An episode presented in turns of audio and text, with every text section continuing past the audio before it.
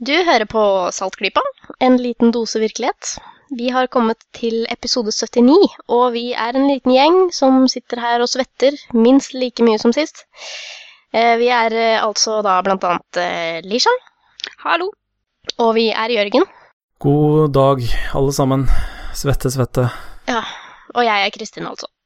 Um, Bendik og Marit fant ut at de skulle på sommerleir, så da kan de bare ha det så godt der i idylliske Øksendal. Og jeg har ofret min eh, egen trivsel foran datamaskinen til fordel for uforstyrret lydkvalitet på opptaket, og jeg har nærmest slått av bordvifta. Det er ganske, det er ganske radikalt i disse tider. Det er et skikkelig offer.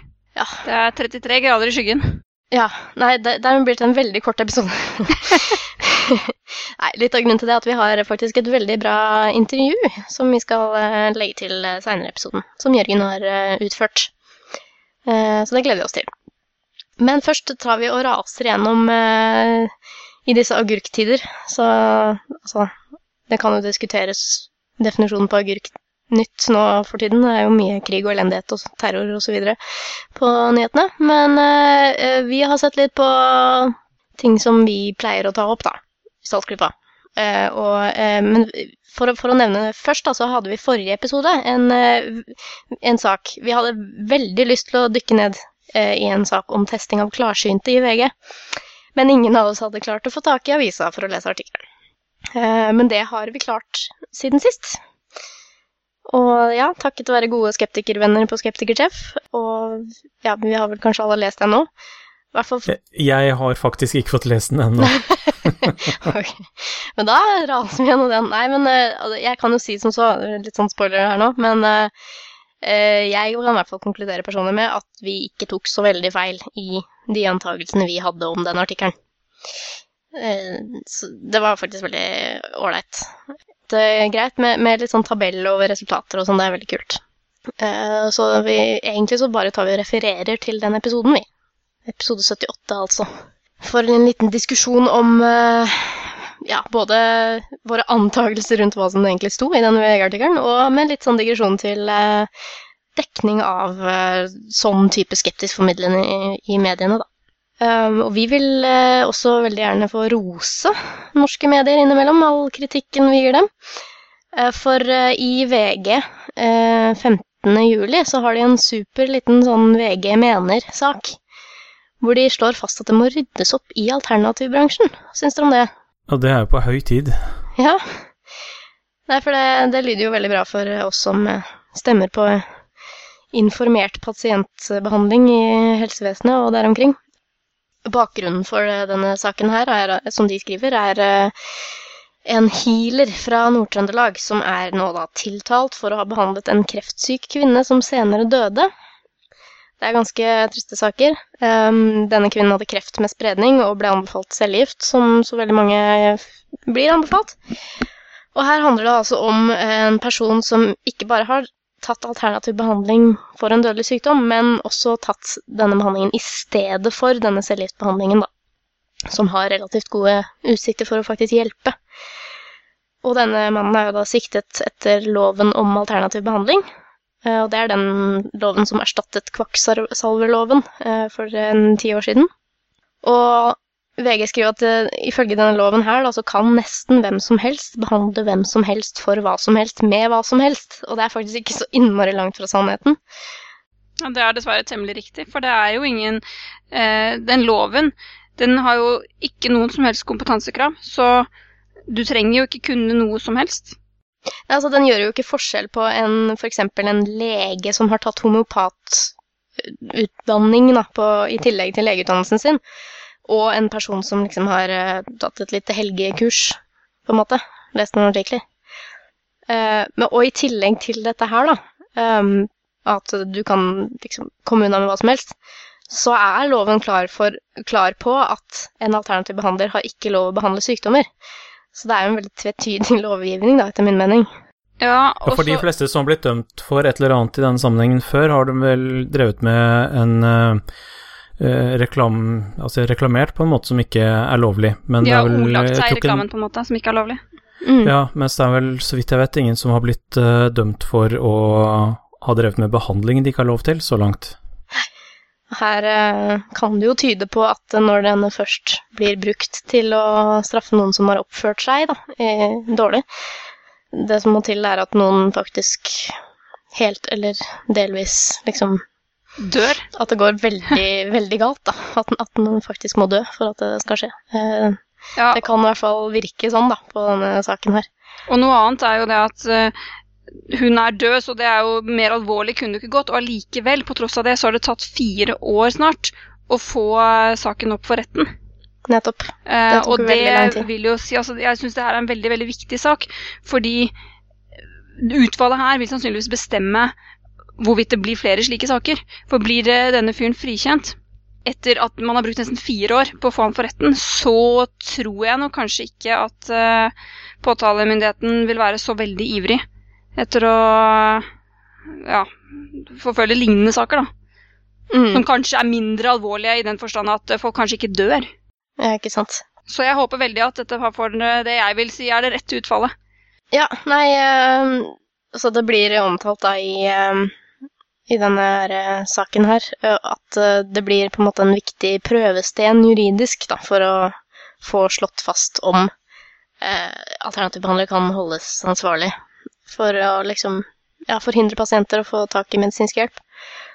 Jeg vil gjerne avslutningsvis eh, lese opp den siste setningen i denne VG mener-saken og si hva dere syns om det. Saken fra Nord-Trøndelag, står det, kan bidra til at det ryddes opp i denne jungelen av heksedoktorer og mer seriøse tilbydere av alternativer til klassisk skolemedisin. Hva, hva, syns, hva syns dere om VGs formulering her? Veldig bra at de bruker ordet heksedoktor. Eh, det er et fint ord. Eh, det som er litt dumt med det, er jo at seri de bruker uttrykket 'seriøse tilbydere av alternativ til klassisk skolemedisin'. Ja. Eh, for hva er nå egentlig det? Eh, det kan finnes i den forstand at f.eks. For la oss si personer har ryggproblemer, eh, så kan de gå til en massasjeterapeut istedenfor å ta smertestillende. Eh, som sannsynligvis vil være minst mer så bra. Men det er jo andre som mange ser på som mer seriøse tilbydere. F.eks. homopater og sånn, som faktisk i mine øyne er heksedoktorer eh, minst like gode som denne healer-fyren. Mhm. Så Det jeg er redd for, er at det skal bli et eller annet sånn godkjenningssystem hvor hvis du bare overholder disse kvalitetskravene, som da må være fryktelig runde, så er du godkjent, og at det blir brukt som et sånn eh, stempel på at du er flink og har Ja. effekt. Eller ja, effekt, nettopp det. At det faktisk, det du gjør har noe for seg. At hvis du Nå kan jo nesten hvem som helst kalle seg homopat, som Kristin sier, bare ta et litt helgekurs. Men la oss si det blir sånn at du må ta homopatutdanningen, da, som tar flere år. Og da er du homopat. Det vil jo da, for veldig mange Mange vil tenke at det sier noe om at det faktisk virker. Og Mm. det er ganske farlig, for det gjør det jo ikke.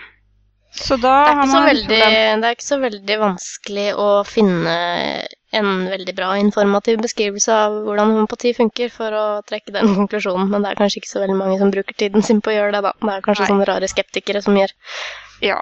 Det, Det er min- ja, det er mulig du er inne på noe. Dessverre. Mulig, mulig.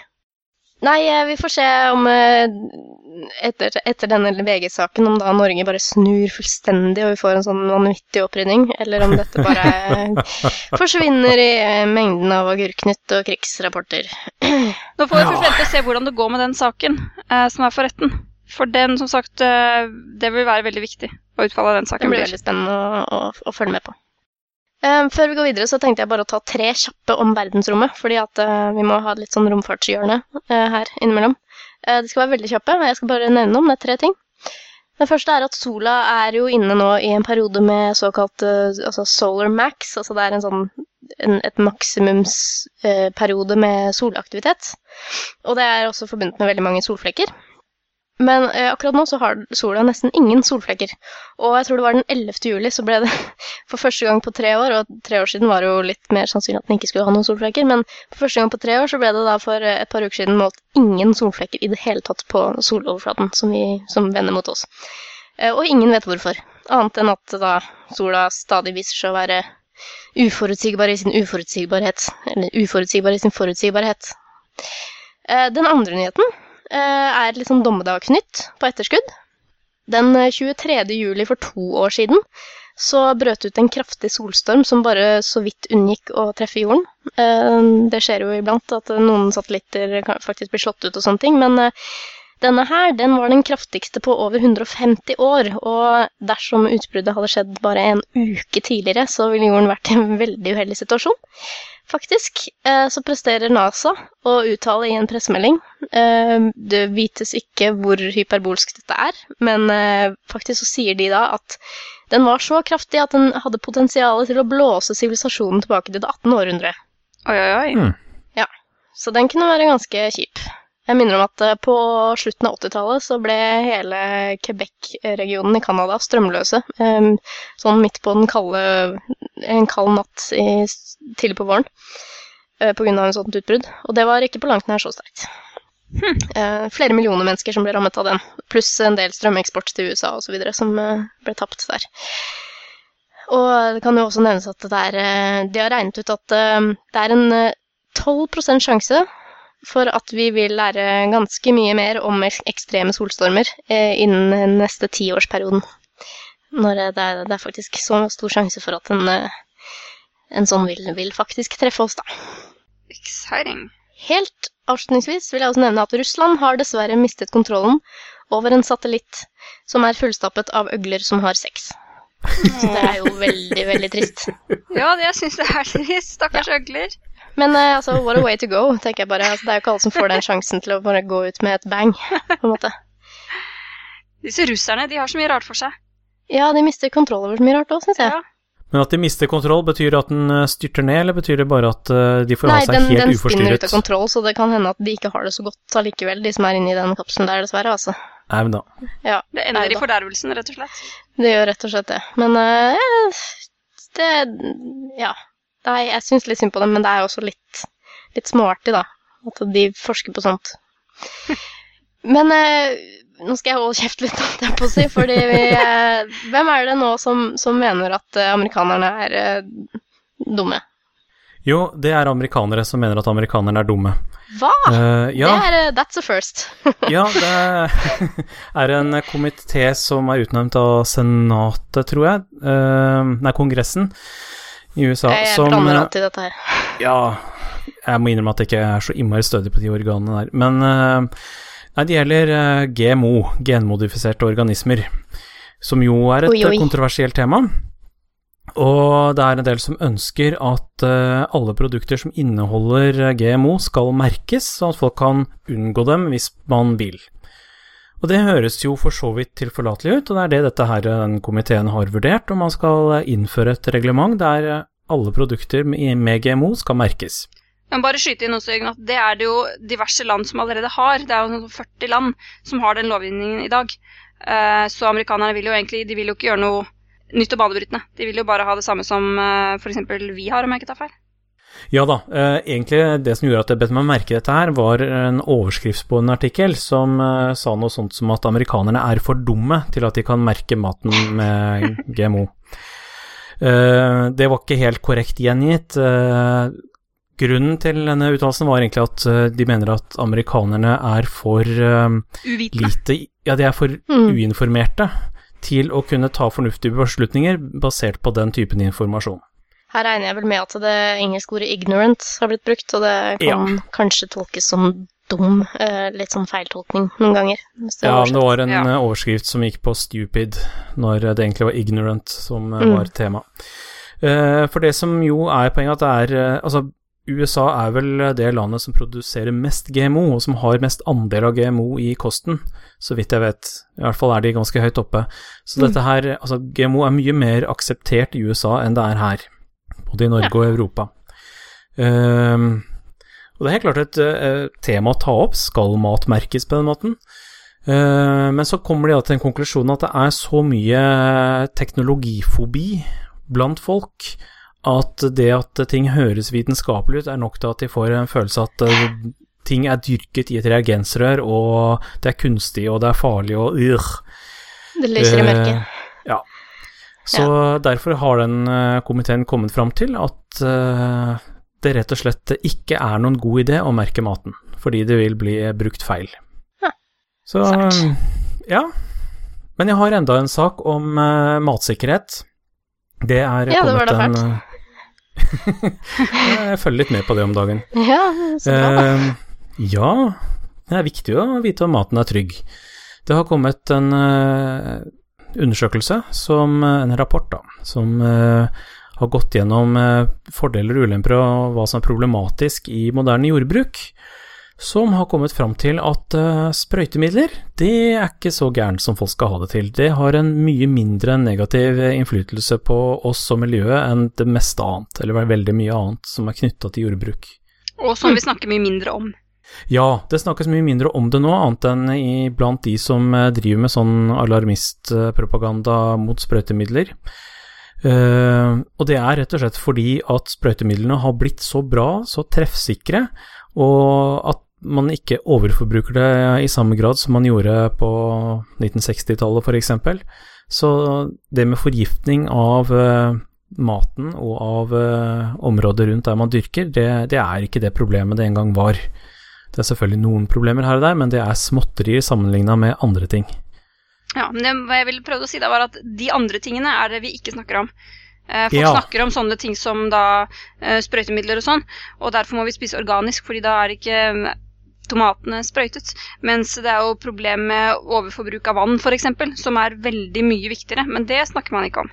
Mm, og det er jo også noen planter som produserer langt mer eh, egne sprøytemidler da, selv. Eh, som da gjør at innholdet er mye mer enn om det skulle bli altså en annen plante som skulle bli sprøytet.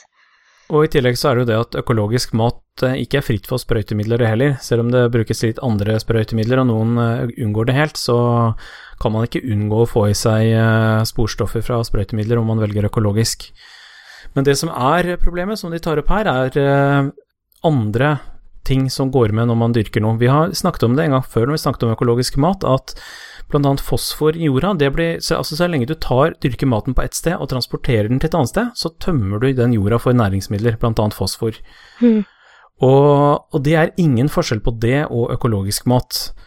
Og det er en del andre stoffer som også forsvinner, og kuene produserer eh, like mye metan enten de eh, går på økologisk fôr eller på konvensjonelt fôr.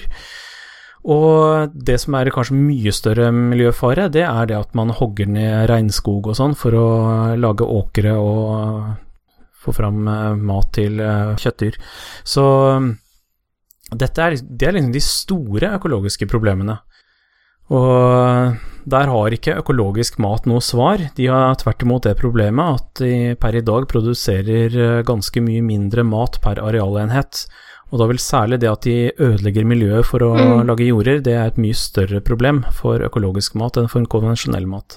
Ja. Nei, økologisk plantemat uh, generelt syns jeg er veldig forvirrende. Jeg vet jo egentlig aldri som ligger bak denne merkingen på matvaren hvor det står at det er økologisk. Uh, personlig så konter jeg litt mer på dyrevelferd når jeg kjøper mat. Uh, litt sånn prøver å stole på at hvis det står økologiske egg, f.eks., så vil kanskje hønene ha det bitte lite grann bedre. Ja, jeg er helt enig. Eh, det var en annen sak tidligere i sommer, den hadde jeg ikke oppe her nå, som gikk på at eh, vanlige dyr har det stort sett omtrent like greit som eh, økologiske dyr. Det er ikke noen veldig stor forskjell i hvordan dyrene behandles. Mm. Ja, jeg vet ikke om det også gjelder kyllingindustrien, for der tror jeg det er veldig mye forskjellig. Der, det er vel et av de stedene som jeg tror eh, det økologiske eh, har noe for seg, da. Ja. ja det er jo en ekstremt komplisert uh, en greie her. Vi burde nesten innkalt uh, opptil flere eksperter og hatt en skikkelig spesial. Det burde vi virkelig Kanskje vi får til det en gang. Mm, det syns jeg vi måtte. Vi skal over til et uh, intervju som vi er så heldige å ha fått Jørgen til å fikse for oss. Uh, og Jørgen, der, i det intervjuet så har du uh, rett og slett uh, jaktet etter arkeologer. Og hvem var det du fant? Jeg fant Gaute Reitan, som har ledet en veldig spennende utgraving, som er så spennende at den har gått verden rundt i media. Nice. Ja, Gaute er en flott fyr, og når han på en måte plutselig har navnet sitt rundt i hele verden, så måtte jeg ta en telefon og spørre om hva det var som foregikk. Ja, men så bra. Da ja. syns jeg vi skal eh, høre på det. Det er ikke ofte at jeg leser om mine tidligere kollegaer i eh, norsk arkeologi i utenlandske medier, men det har nettopp skjedd. Nå i dag er jeg så heldig å snakke med Gaute Reitan, som akkurat nå har tatt seg noen minutter til å snakke med oss, selv om han har ferie. Men uh, han har hatt noen rimelig travle dager i det siste. Gaute, kan du fortelle litt hva er det du har funnet, og hva har skjedd? Ja, hvor skal jeg begynne nå, skal jeg si? Du kan jo starte litt med å fortelle hva slags utgraving det var, og, og hvordan det hele utviklet seg. Ja, bakgrunnen for at vi skulle eh, undersøke der hvor vi undersøkte, det var jo at det skal bygges et stort konferansesenter på Brunstad i Stokke i Vestfold.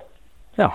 Da er det sånn at uh, arkeologien kommer uh, inn i forkant av bulldosere og gravemaskiner. Så um, da skulle vi gjøre oss ferdig uh, på sånn to og en halv måneds tid nå på forsommeren. Og det var jo fint og vanlig ganske lenge. Eh, men så ble det veldig uvanlig på slutten. Eh, fordi at vi fant eh, ubrente bein. Som viste ja. seg da å egentlig være nesten 8000 år gamle. Det er gammelt?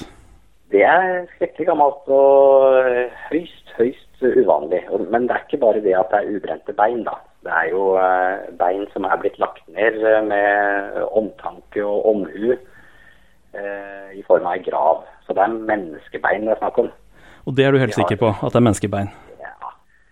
Ja. Det var vel ikke menneskeaper her omkring på de tider, i hvert fall. Så vi må anta at det er mennesker, ja. Det kan jo ha vært litt innblanding av andre skapningers bein i tillegg, altså. Men først og fremst menneskeforøvrig. Ja, for no, De første artiklene som kom ut, var vel NRK som var en av de første. Der uh, sto det litt om at det var litt usikker om det faktisk var menneske. Ja, det var det da. På, på det tidspunktet hvor NRK var på besøk. Men eh, jeg var freidig nok til å slå på tråden til NRK og be dem om å komme og filme det vi hadde. Ja. For det var spesielt nok. Og vi var litt usikre på framdrifta, så det kunne jo hende at alt ville være bortgravd og ikke filmbart allerede dagen etter. Riktig. Nå gikk det jo ikke sånn riktignok, da, men så NRK gjorde jo sin sak ferdig eh, omtrent samme dag som de var på besøk. Mens vi holdt jo på eh, i nesten tre uker til, tror jeg etter det. Akkurat. Og hvis NRK hadde hatt litt is i magen og hørt på meg kanskje litt, så, så kunne de ha kommet tilbake igjen og fått en, en siste versjon og så sydd det sammen til en litt mer fyldig og litt mer sånn sikker eh, sak eh, på slutten, men, men. Det er vel ikke alltid sånn at mediene gjør akkurat det du vil at de skal gjøre. Så, Nei, det er sånn ikke det. Men altså, en ting er at det er ganske sensasjonelt å finne ubrente bein eh, som er så gamle i Norge. Kan du fortelle litt om hvorfor det er så sjeldent? Altså, Uten å bli veldig detaljert, så har det seg sånn at brente bein det hender en sjelden gang at vi finner i, i steinaldersammenheng som er like gamle som det her. Og, og, det er sånn at brente bein, altså ved brenninga så foregår det en kjemisk prosess som gjør at egentlig alle organiske forbindelser, altså rent kjemisk, byttes ut, mer eller mindre. Eh, sånn at det i praksis ikke er noe organisk igjen i brent bein.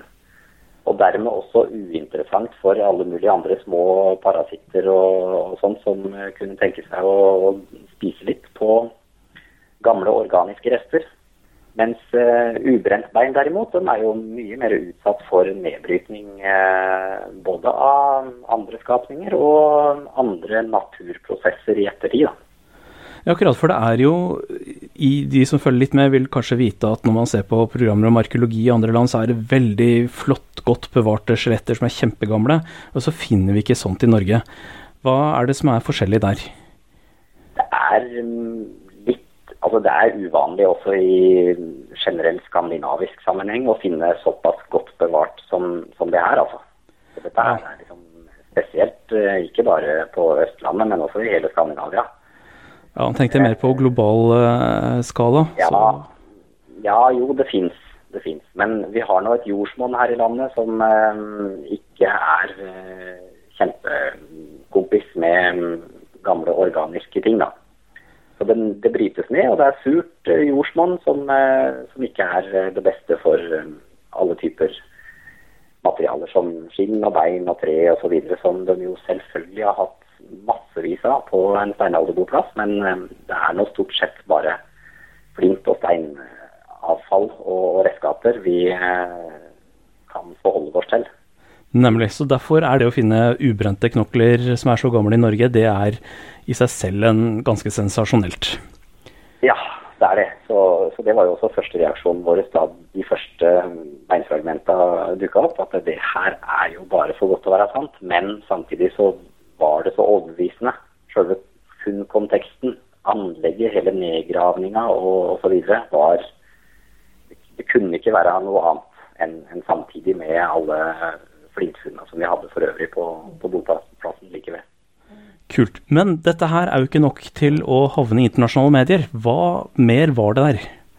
Ja, ubrent bein, men altså mm, skjeletter. Sannsynligvis to individer i samme grav. Um, og det første beinfunnet vi, vi, kom på, det var uh, biter av en skalle.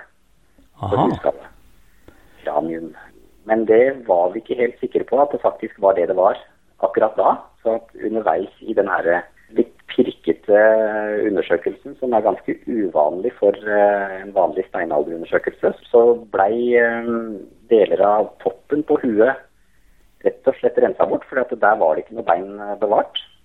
Det var bare en tynn, svart hinne. Og da det blei tatt bort, så viste det seg at det her er jo faktisk kranium. Og Inni det så var det en grå, svampaktig eller leiraktig masse. Og Aha. da trenger en kanskje ikke å ha så mye fantasi for å tenke seg hva det i hvert fall kan være. Men gjerne. Ja. Og det var nok til å få mediene til å eksplodere litt? Ja. Ja. 8000 år gammel hjerne. Ja. Sannsynligvis i et eh, barnehode. Aha. Men eh, det var jo ikke bare den skallen som lå oppi der. Det er nok en, eh, et hue til til et uh, voksent individ. Og, og riktignok det meste av det barneskjelettet som da har uh, Altså barnekroppen som har ligget oppi der, det var stort sett borte. Akkurat. Med unntak av da skallen, som da um, ikke var stor nok til å passe sammen med en del av de andre beina. Så det ble ganske tidlig klart at, um, at det var mer enn ett individ. Og individ nummer to, da, det nok en, uh, har nok vært en voksen mann som er blitt gravlagt sammen med et barn. Ha, interessant. Alt dette her er riktignok ganske usikkert, men uh, vi pirka så godt vi kunne i den betongharde sanda, og da um, fikk vi fram f.eks. Uh, lårbein og høyrearmen var relativt godt bevart, og den var nesten like lang som min, altså. Og jeg er nesten 1,80. Ja, riktig. Det, man ser jo gjerne for seg at eh, folk i steinalderen var litt lavere enn folk er i dag pga. kosthold og sånn. Men det er jo altså en ganske stor mann. Ja, det er ikke sikkert at han har vært nesten 1,80, eh, men det er i hvert fall nærliggende å tenke seg at det var en mann, bare ut fra lengden på armen. Riktig. Det er jo fantastisk morbid og kult, så jeg skjønner jo at dette her har uh, gått sin seiersgang. Uh, ja. I Saltklypa så har vi de siste ukene hatt uh, en diskusjon om popularisering av forskningsresultater. Sånn typisk I fucking love science, som legger ut sånne små bilder med en liten kort tekst. Og spørsmålet er er det god formidling. Men her, dere har jo faktisk fått en artikkel på I fucking love science, har jeg merket meg. Så her er liksom popvitenskapen verden over har tatt litt av her. Ja, og det er jo veldig morsomt å merke at det sjøl etter at, at undersøkelsen er avslutta, så, så, kommer det henvendelser fra fjern og nær. Eh, egentlig ja, det fjernere og fjernere etter hvert som dagene går. For nå er liksom de norske mediene er ferdig med dette her. Og så er det de engelskspråklige først og fremst da, som har bitt på etter hvert. Så da er jo selvfølgelig det her med hjernemasse som uh, de fleste biter seg merke i. da. Og flere omtaler det som verdensrekord i gammel hjerne.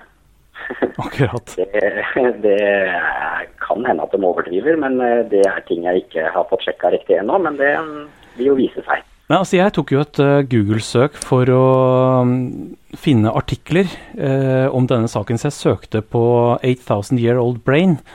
Og da kom ja. jeg inn på en uh, gjennom uh, Google Newspapers så fant jeg en artikkel eh, i Gainesville Sun fra 1985 med overskriften 'Researchers', kolon.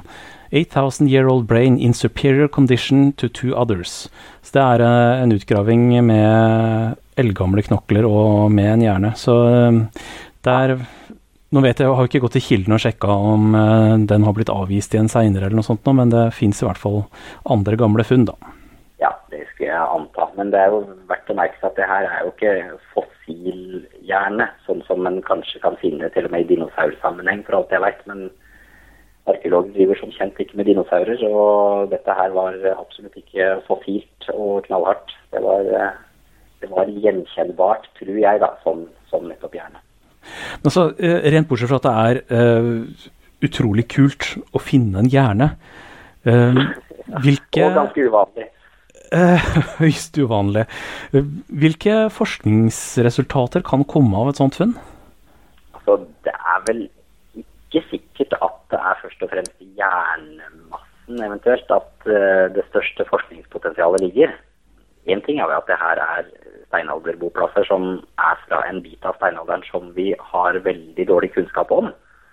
Så vi visste jo på forhånd egentlig, vi visste jo hva vi gikk til. Uh, at det var uh, et stort kunnskapspotensial i det vi skulle til å gjøre. Men at det skulle bli så voldsomt store bonuser oppi alt dette her med med menneskerester, det, det hadde vi jo ikke engang drømt om. Men det er vel Vi har håp om at eh, både bein og kanskje særlig tenner er godt nok bevart til at vi kan få veldig mye informasjon ut av, ut av det materialet. Og, og komme veldig tett på steinaldermennesker, rett og slett, og det levde liv for nesten 8000 år siden. Ja, jeg har jo selv vært med på å finne en grav en gang med, hvor det eneste som var bevart av kroppen, var tannemaljen. Men det var nok til at vi fant ut uh, kjønn og alder på personen. Så um, ja. det er nyttig. Er, er, det andre ting enn uh, sånne helt elementære ting om bare kroppen man uh, kan finne? Ja, det er jo det. Hvis en ser på den herre um, mumifiserte steinaldermannen Øtzi, som ble funnet i Alpene for um, er det nesten 25 år siden så har de jo fått enormt ut av, av det funnet. Nå er jo det riktignok uh, vesentlig yngre, da. Det var jo ja, nesten 3000 år yngre. Men fortsatt innenfor steinalderen i, i norsk kronologisk sammenheng i hvert fall. Og, og, det var jo også bevart på en helt annen måte, men de har funnet ut eh, hvor han vokste opp, hvor han oppholdt seg seinere i livet, åssen helsetilstanden hans har vært på ulike stader i livet han hadde tatoveringer på huden som uh, viser at det nok har vært en måte å håndtere smerte på. Uh, så at det viste seg at han hadde skader på skjelettet osv. akkurat på de stedene hvor han var tatovert på kroppen rundt omkring. Og um, tenner forteller mer om, om, om mennesket enn kjønn og alder, men også litt om hva slags liv de har levd, hva slags mat de har spist, hva tennene har blitt brukt til, rett og slett. Om de er kraftig nedslitt eller andre ting. Og det, og det sammen med andre skjeletter så kan da få ut voldsomt mye informasjon om åssen det var å være steinaldermenneske på vestsida av Oslofjorden for nesten 8000 år siden. Fantastisk. Man kommer mye tettere på mennesker når man virkelig kan se at dette individet spiste den og den maten og osv. For eksempel, ja. Kjempegøy. Det er jo, gir jo noen helt andre dimensjoner ved det store puslespillet som heter steinalderen. Man kommer så tett innpå og, og ikke bare har etterlatenskaper av flint og stein. Som, som, sikkert da, som sagt, bare representerer en bitte liten andel av alt hva de hadde og brukte. Riktig. Jeg må jo stille sånne spørsmål som man alltid stiller. Når dere gjør så fantastisk funn, førte det til at eh, utgraving ble forsinket eller ekstra dyr? Nei, det gjorde den ikke. Uh, den, ja, altså den ble ikke forsinka. Dvs. Si vi hadde et par maratondager for å prøve å bli ferdig, og jeg var veldig oppsatt på å, å holde tidsplanen. Uh, men uh, så var jo dette her et så eksepsjonelt funn. Det fins bare noen ytterst, ytterst få, kanskje en liten håndfull bare, steder hvor det er funnet graver fra tilsvarende periode i, i steinalderen i Skandinavia fra før. Så da blir det for dumt å avslutte og si at halvparten av grava ligger igjen. Eh, ja. Så vi uh, utvida med to dager. Det var det vi gjorde. Ja. Det er ikke veldig vanlig at en utgraving blir såpass forlenga? Nei, det, det, det, pleier ikke det. Det skal litt til for at den skal gå utover de rammene en allerede har satt seg på forhånd. Så da gjelder det jo å prioritere ganske hardt underveis. Eh, og nå kom det jo noen, noe som måtte seilte rett inn på øverst på prioriteringslista der på, på slutten av utgravinga. Men eh, vi fikk det nå til på en bra måte, tror jeg. Det er jo typisk hvordan det alltid skjer på slutten av utgravinga og sånne ting.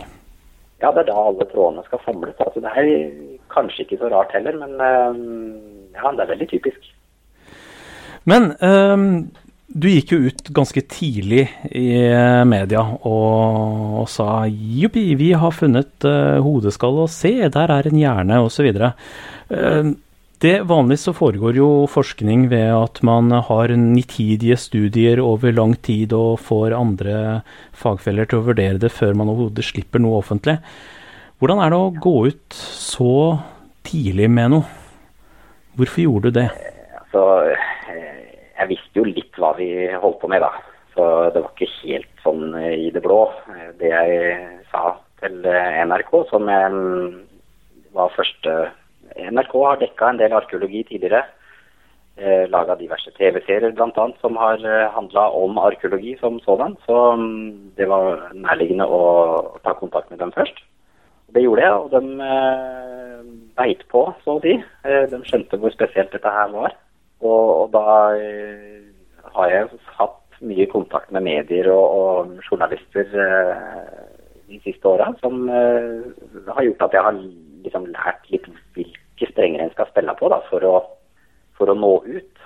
Og det jeg syns er veldig kjedelig, det er jo å, å, finne ut av ting og oppdage ting uten samtidig å fortelle det til noen.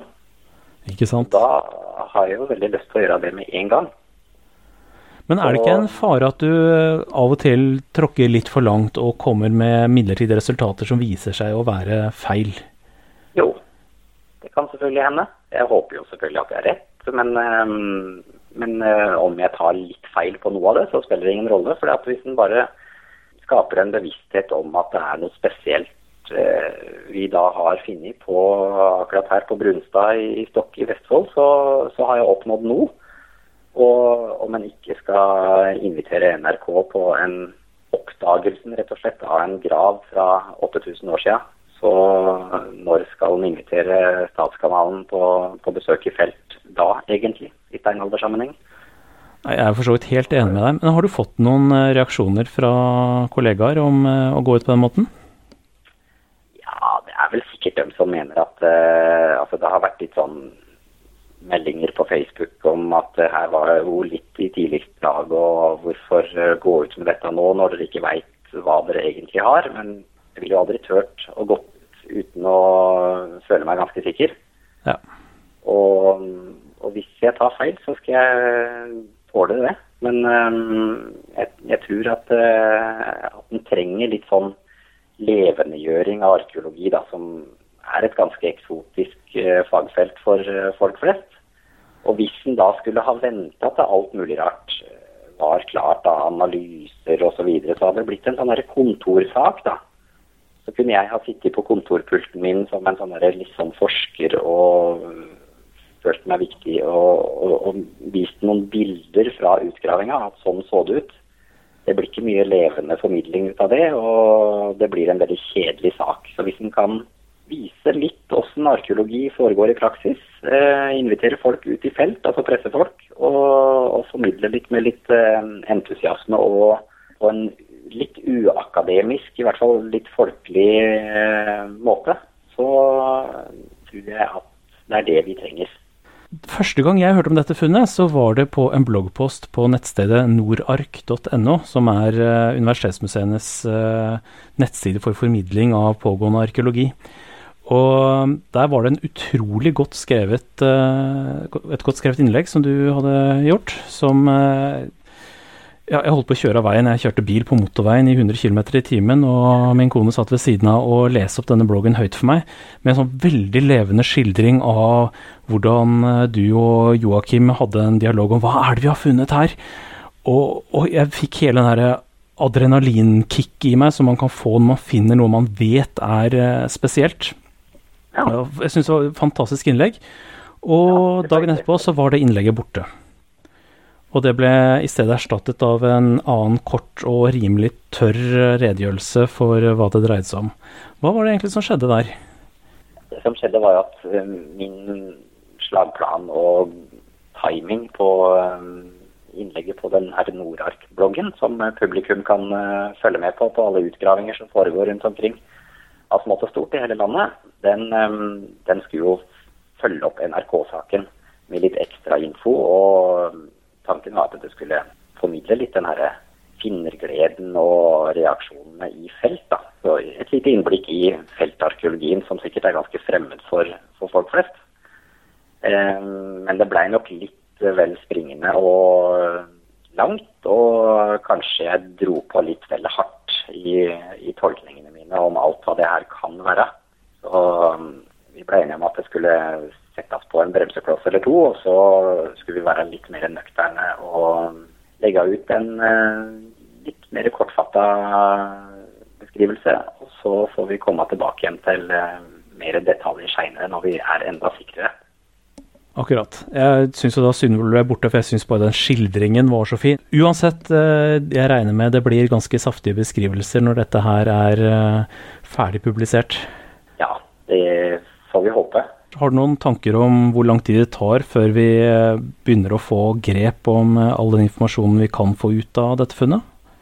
Det er jo ganske vanskelig å mene så mye om, for det her er jo da ting som, eh, som ingen har vært borti før, nesten. I hvert fall ikke her i landet. En annen ting er at hele årsaken til at sakene var såpass godt bevart, var jo at det ligger i, har ligget grav som har vært gravd helt ned til Berg, hvor, um, på nesten en meters dyp under torva. Og um, det var altså en betonghard sand i, uh, i hele bånn der, som har bevart beina. Men det var jo et ja, det var uh, et mareritt å grave i. Fordi at det gikk ikke an å grave av nærmest. Det måtte hugges for å få Såpass, ja. sanda og rense det fram eh, bein for bein. Og, og beina var jo veldig dårlig bevart, tross alt. Eh, mjuke og litt sånn velta brunostaktig i konsistensen. Så mm, det blei til at vi måtte ta inn store stykker av, av bånd av grava med beinførende lag osv. Fordi eh, da kunne vi ta det med inn og, og grava ut innendørs, rett og slett, på litt mer kontrollert vis. Så det er én ting er jo å frigjøre beina fra all den her sanda. Det tar nok eh, sine uker, det òg, kanskje. Og så må noen eh, litt beinkyndig overta materialet og gjøre sine analyser på alt må det, det måtte være. Så mm, det drøyer nok eh, både mm, ja, utover høsten og vinteren og kanskje til våren før vi har alt. Og når våren kommer og vi har alle resultatene, det er da først at en kan begynne å skrive sånn på alvor og få publisert det her på ymse kanaler. Er det noe annet du har lyst til å snakke om? Altså, det er mye det her gravfunnet som har fått oppmerksomhet, men eh, som sagt så er det her en del av steinalderen som er veldig dårlig kjent fra før. Mhm. Og um, jeg tror nok at eh, begge de her boplassene som vi nå har undersøkt, de ligger kloss inntil hverandre og, og skal nok egentlig betraktes som en enhet. I hvert fall behandles og tolkes som en del av ett og samme. Vi gir en eh, kjempeberikelse av hele inntrykket vi har av den, og hele forståelsen av, av den biten av steinalderen. Vi har ganske god kjennskap til det som kommer etter. Men eh, alt det som kommer etter, det har jo sitt utspring et eller annet sted. Og det her gir da det bildet vi på en måte mangler fra før. Hvis en ser for seg hele eldre steinalder som et kjempedigert puslespill, så er det her mange, mange brikker midt i bildet. Fantastisk spennende. Du, jeg gleder meg masse til å lese rapporten når den kommer, og jeg håper du fortsetter å drive med god fagformidling. Jeg kan i hvert fall love at det her blir mer enn en tørr, kjedelig og litt sånn intetsigende rapport. Så eh, det her er såpass spennende at jeg tror vi må prøve å få nådd ut til eh, mer enn fagfeller og kontorarkeologer landet rundt. Det skal jeg love. Det kan jeg være ganske sikker på at du får til med det funnet her. Gaute Reitan, tusen takk for at du tok deg tida til med å prate med meg. Takk for praten. Vi skal snart runde av og slå på bordvifta igjen, eh, men eh, før vi går, så har vi noen anbefalinger, som vanlig. Jeg vil gjerne anbefale en eh, kortfilm eller slash dokumentar som er ute nå, og den er det Richard Saunders fra de australske skeptikerne som har laget. Brukt veldig mye tid og arbeid på det. Den filmen den heter The Vaccination Chronicles. Den skal vi legge ut link til. Det er rett og slett en, en slags dokumentar da, som om selvfølgelig da vaksinasjon, og viktigheten av vaksinasjon. Og eh, det som er spesielt med denne her, er at Saunders har brukt på en måte de samme virkemidlene som antivakserne bruker når de skal eh, prøve å vinne tilhengere. Nemlig altså litt sånn hjerteskjærende historier, personlige historier fra folk. Eh, nå kan man jo si litt av hvert om, om vi skeptikere skal bruke de metodene, vi også. Da gjør vi, oss ikke til noe bedre enn de. Jeg vil si at eh, det er helt greit, så lenge man har eh, bevisene på sin side. Så kan man godt eh, bruke litt skildringer og litt personlige historier for å vekke oppmerksomhet, syns jeg, da. Jeg syns dere skal sjekke ut den. Den blir veldig bra. Den kommer også til å få Han etterlyser masse oversettere til undertekster osv. Jeg skal prøve å se om jeg ikke kan fikse noen norske til det etter hvert. Det vært bra. Ja. Så det bidrar litt til å spre det rundt. Den uh, ser veldig, veldig fin ut. Jeg begynte å se på den. Så det jeg kan også nevne da at på The Skeptic Zone, hvor Richard Saunders er programleder, så har de lagt ut audioversjonen av den. Og den har jeg yes. hørt at den var veldig bra, altså. Mm. Spennende. Ja, det er godt jobba. Og videre så nevnte du i stad en ting det, det, er en, det er en bok, Jørgen. Har vi ikke ja, Hvilken bok Unnskyld at jeg reklamerer for meg sjøl og sånn på lufta her, men uh, det er da den herre da. For noen episoder siden. ja.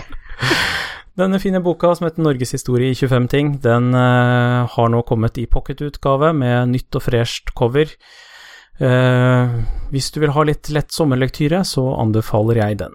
Det er altså 25 korte kapitler som lærer deg masse, og som er ganske underholdende å lese. Det er den jammen. Ja. Mm. Som en som ikke har vært med å skrive boka, så støtter jeg dette utsagnet. Så litt mer troverdig enn en av forfatterne, sier det. så vi har både avhengige og uavhengige kilder her. Ja, ja. Vi må ha flere kilder. One source ja. is no source. Ja. Nei, folkens, er det på tide å ta seg et bad, holdt jeg på å si. Fylle ja. dusjen med isbiter og sette seg på huk. Nå har jeg sittet inn i et uh, lukket rom med uh, lukkede vinduer for å holde støyen ute, og holdt på å svette i hjel, så nå skal jeg lufte skikkelig og ta meg en kald dusj. Nei, men da tror jeg jeg skal la dere gå, uh, og ønske dere en god kveld videre. Takk skal du ha. Så snakkes vi om et par uker. Da har vi forhåpentligvis i hvert fall Bendik med oss også. Vi ses. Ha det bra. Ha det. Ha det.